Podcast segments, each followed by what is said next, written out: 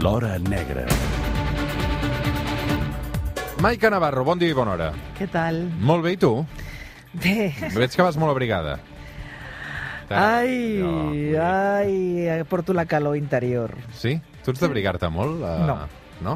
Mm, Tu ets d'allò... De fet, estic... Mira, aquest, està, aquest jersei està en liquidació. És un vestit, està... No, no, no, no, no, no. Mm, no. No, som molt... No ets allò de dredor gruixut a l'hivern? No, no, no, no, em llan- però... Ara em diràs que a l'hivern dorms amb llençolet? No, dormo despullada, però amb, amb edredon de d'això d'aquí de fulla, uh, uh, això de la- d'aquí de la oca, d'aquí del coll, Pluma d'oca. pluma del coll de la oca. Um, vigila, no t'encostipis. No, no, no, no, no, no, no, no. Ah. El que passa és que, clar, jo eh, tinc una edat de, de fogots. Ah, I sóc una mena d'estufa interior. sí? Però sí, de tant en tant m'agafa un fogot. Com ho portes? Ah, hormonada. Sí, sí. Hormonada, per això de... és el que té. Hormonar-se. És un perill. Quin, Apa! quin inici més estrany avui, eh, Maica Navarro? Quin inici? Apale. Que Quin tu no has provat mai Sí. la, a la redonda? Ah, Oca. pensava les hormones. Les hormones. Eh, A vegades tu posar-te una miqueta d'hormones de tant en tant t'aniria Sí, bé. tant Veig que una mica... i tant que A vegades bé. penso que ets una mica parat. Què en vols dir que soc general. una mica aturat amb què? En general. Estic segur que tu et despullen abans que tu despulla. Com, com? Podem fer la secció, sisplau? No, que després no, no, tinc, no. no. tinc temps per explicar no vull fer la els secció. meus, els És a meus dir, Que a, temes. mi, que a mi em despullen abans jo despullo. Sí. Sí, sí, tal qual. Un moment Així. que hi penso. No pensis que hem de fer la secció, que després m'ho descomptes del pensar temps. com va anar l'última... Bueno, no, vale, penso pues, com va anar vale. l'última vegada. Ui, doncs has de pensar molt, segurament. Bueno, deixa'm un moment de, en silenci, sisplau. Ah, Escolta, que tinc un tema que molt xulo avui, sí, que avui... que és veritat. Sí, sí. Te digo yo que... Aquell dia sí que va. No te digo yo. Avui marxem fins a Vilanova i la Geltrú. Eren les dues del migdia, hora punta en què els restaurants de la zona servien dinars. Una persona ha entrat en aquest local, encara tancat al públic, ha disparat diversos trets i ha fugit. Avui ens situem el dijous 29 de juny del 2017, un cas molt, molt recent, bar sindicat del vi. Què va passar? Ara ho sentíem. Al voltant de les dues de la tarda un home va entrar al bar i va disparar contra l'encarregada i un cambrer. Sí, tots dos eren de nacionalitat... Bueno, ella és encara de nacionalitat hongaresa, ell, ell va... El, bueno, va, va el van, el van assassinar directament. Estaven al, al, al bar, eh, feia, portava obert un parell d'anys i és veritat que eh, feien música en directe, feien actuacions i estaven preparant, eh, organitzant eh, l'espectacle de la nit, ell estava a la cuina i estava endreçant i va haver un moment en què bueno, entra un, un, un pistoler, la, primer fa un primer tret, la dispara amb ella al coll i dels crits l'home surt i rep també d'altres altres trets. Uh, el cambrer de, de 30 anys feia molt poquet que treballava allà i de fet va morir a l'acte i la dona, la Gabriela, que en tenia, que, té 30, que tenia en aquell moment 39 anys, ara ja en té 41, doncs feia el que et deia, feia dos anys. Va ser traslladada a l'Hospital de Belvitge amb molt, en estat molt, molt, molt crític i, i el van salvar la vida. És veritat que es van buscar càmeres de, de seguretat, es va eh, investigar tot l'entorn de les totes dues víctimes i no trobaven absolutament res que, que fes sospitar els investigadors. Això va ser una investigació que va fer el grup d'homicidis de, de la regió policial metropolitana sur i, es van quedar molt parats perquè era un bar que no tenia cap mena de conflicte, cap mena de problema i allò que podria semblar sospitat, ostres, doncs mira, un bar que haurà de nit, alguna cosa hi haurien de fer, re, re, re. I per les càmeres, el personatge que entrava era, era com a mínim inquietant. I a més a més, per acabar de rodonir encara més la complicació de la història, les, eh, el, la munició que s'havia fet eh, servir era una munició molt, molt, molt estranya d'una arma, una, una, una arma gran llarga de, de sal. O sigui, tot plegat eren uns elements molt, molt estranys i bueno, es va començar a investigar. Mm. Per tant, escenari Vilanova i la Geltrú, aquest eh, cambrer assassinat i fareix de gravetat l'encarregat del local per part d'una persona desconeguda, com ens explica la Maica. Els Mossos tenien alguna teoria aquí? En principi, clar, tu penses que és un bar i pots pensar que, que pot haver-hi una, pues allò, revenja, alguna història personal d'ella o, del, o del company, del marit, que no, que no vulguin explicar o que algú del seu entorn no, no, no conegui. I és veritat que la dona, després de- d'estar de, tot aquest dies en estat crític, quan pot parlar i és entrevistada, és interrogada pels investigadors, assegura que en un primer moment que, no, que és que no el coneix, que no, que no, no el coneix. També és veritat que aquesta primera declaració és una mica així, ella encara està a l'hospital i el que diu és, "Escolta, és que no sé, és que no, no, no, no, no li havia donat temps gairebé de, de, de veure'l. Cas número 1 a Vilanova i la Geltrú ple d'interrogants. Tenim un altre escenari. De Vilanova i Geltrú ens traslladem fins a la urbanització Miami Platja, al Baix Camp, Montroig del Camp, concretament. 3 de juliol, quatre dies només després del tiroteig a Vilanova, troben un home mort en una casa a Miami Platja. Això és, eh, en aquest cas, a Montroig del Camp, eh? Sí, eh, Miguel Martín, camioner, 63 anys, jubilat, amb una vida familiar encomiable, mm, sense cap mena de, de, de, de marca al seu historial vital, familiar, que fos sospitar que algú, perquè a més a més no estava la, la porta forçada, és a dir, algú que sabia perfectament que aquesta casa tenia una part una, eh, tenia accés per la part del darrere, que és on estava oberta, era una cuina oberta amb una, un petit jardí, doncs algú devia, havia accedit a aquest jardí per la part del darrere, doncs havia- l'havia trobat aquest home a la, a la cuina i l'havia fet dos, dos trets. Mm. Uh, I, mm, bueno, eh, en principi, desconcert, uh, perquè, clar, aquest home, insisteixo, és que, a més a més, no, havia, no havien robat res, no havien tocat res, I d'entrada no hi havia cap mena de relació amb el crim, amb el cas del bar a Vilanova i la Geltrú, amb aquest de Miami Platja. Bueno, al Però, final... però, però, què va passar amb la munició? Que era la mateixa. al final, que- aquesta munició que et deia que era tan poc freqüent del 222 de Remington, eh, de sobte els investigadors, un altre grup d'investigació, això en Miami Platja, Tarragona, el que diu, eh, una altra regió policial, un altre grup d'homicidis, i diuen, ostres, eh, clar, hem de, hem de saber que tot i que són grups d'investigació individualitzades, hi ha reunions setmanals de la DIC on cadascú explica els seus, els seus casos. I de seguida els de Tarragona truquen a homicidis de, de, Met- de Metropolitana Sur i diu, escolta'm, quina munició teníeu a Vilanova? 222. Hòstia, per què? Tu, l'home que, que ens han matat aquí a Miami Platja, el jubilat, el camioner, el mateix. No fotis.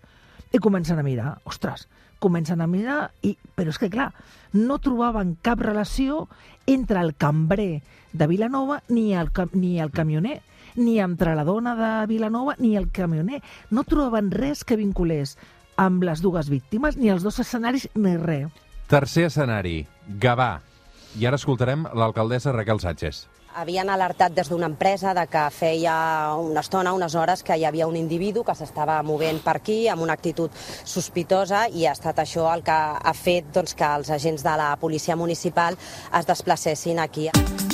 Aquestes eren les paraules de l'alcaldessa de Gavà explicant que tres dies després de l'assassinat, en aquest cas a Miami Platja, Montroig del Camp, hi havia un home armat molt sospitós al voltant del tanatori de Gavà, on enterraven precisament un dels morts. Sí, eh, tot i que estaven vivint últimament a la caseta de, de Miami Platja, la família d'aquest camioner era de Gavà de, de tota la vida i el, el seu funeral, enmig de la, de, del desconcert més absolut, s'estava celebrant al tanatori municipal de, de Gavà.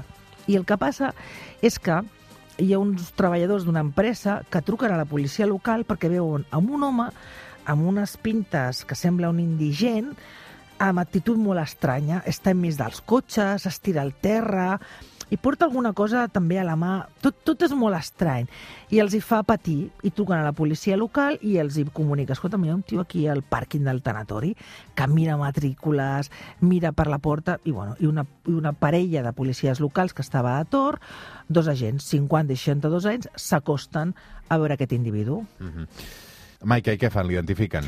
Sí, s'acosten amb ell i, i el que fa aquest home és, sense mediar paraula, dispara eh, contra tots dos agents. A la gent de 50 anys que era dins del cotxe eh, rep una bala al coll, que de fet l'afecta directament l'artèria caròtida, l'altre rep un tret al genoll i tot i que dispara, intenta protegir el seu company, doncs, bueno, el van operar a vida o mort i va, va morir setmanes després. En aquell moment s'inicia una persecució d'aquest individu perquè aconsegueix fugir d'aquest tanatori i ja s'activen a, totes les, a totes les patrulles de... Estem Gavà, recordem, ell fugeix direcció Garraf i s'activen a totes les policies locals i Mossos d'Esquadra de la comarca i comença una operació Gàbia per identificar-lo. En aquell moment també el que es veu eh, claríssimament és que l'arma, la munició que s'ha fet servir és la mateixa dels altres dos casos i aquí és quan ja diuen, escolta, aquí hi ha una relació eh, evident entre tots tres, tot, tots tres crims, perquè és el mateix individu que ha estat als tres escenaris. Però en qualsevol cas, saber quina relació arribaria més tard.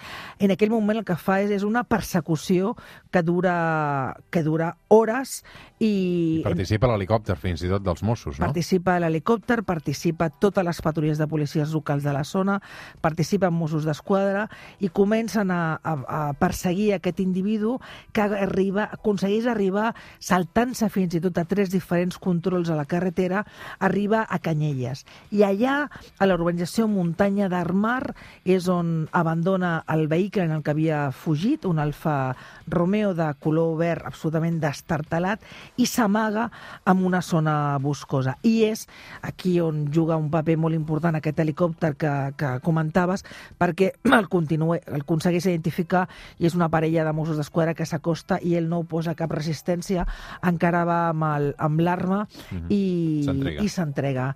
Està ferit perquè en un d'aquests controls que s'ha saltat a, a un dels Mossos, que aquests de l'Arro ha disparat i té una, una tot i que té una, una ferida de, de bala al, al, al braç i una altra a la cama, ell continua la fugida, ja està perdut molta sang i el que fa és directament es deixa, es deixa de tenir.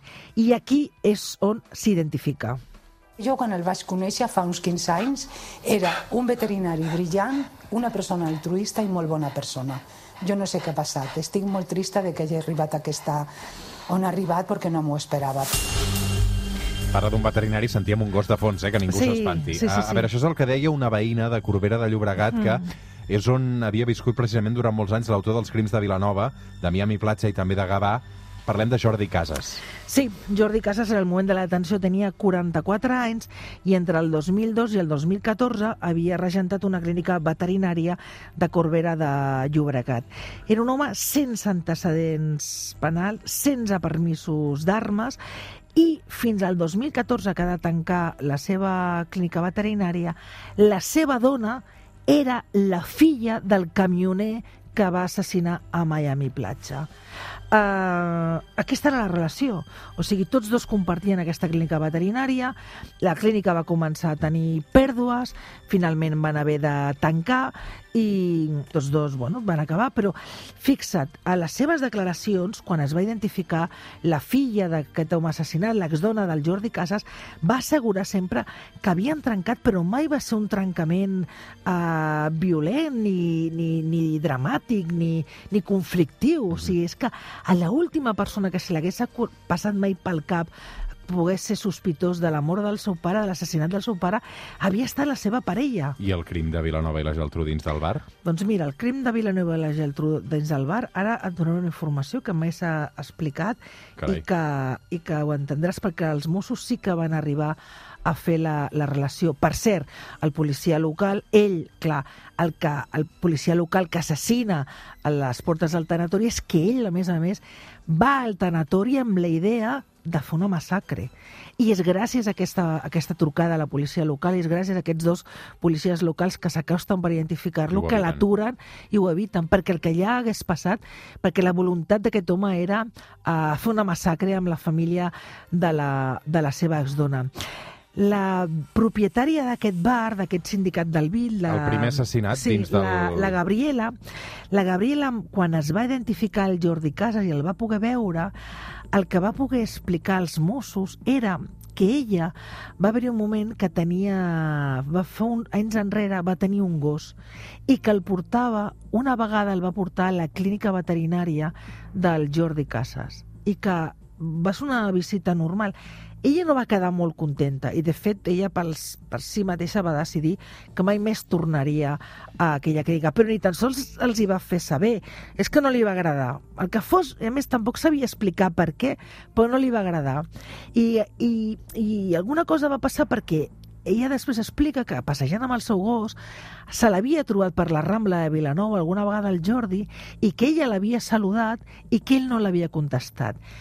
Què va passar en el cap d'aquest home? Perquè d'aquella visita absurda, o sigui, aquella visita del veterinari, que va anar bé, normal, que ella és veritat que es va quedar amb aquella cosa, però que després no el va saludar, acabés decidint entrar aquella tarda al bar amb la intenció d'assassinar-la amb ella i el cambrer pues, que passava per allà i va rebre eh, les pitjors conseqüències perquè va morir, eh, perquè va morir.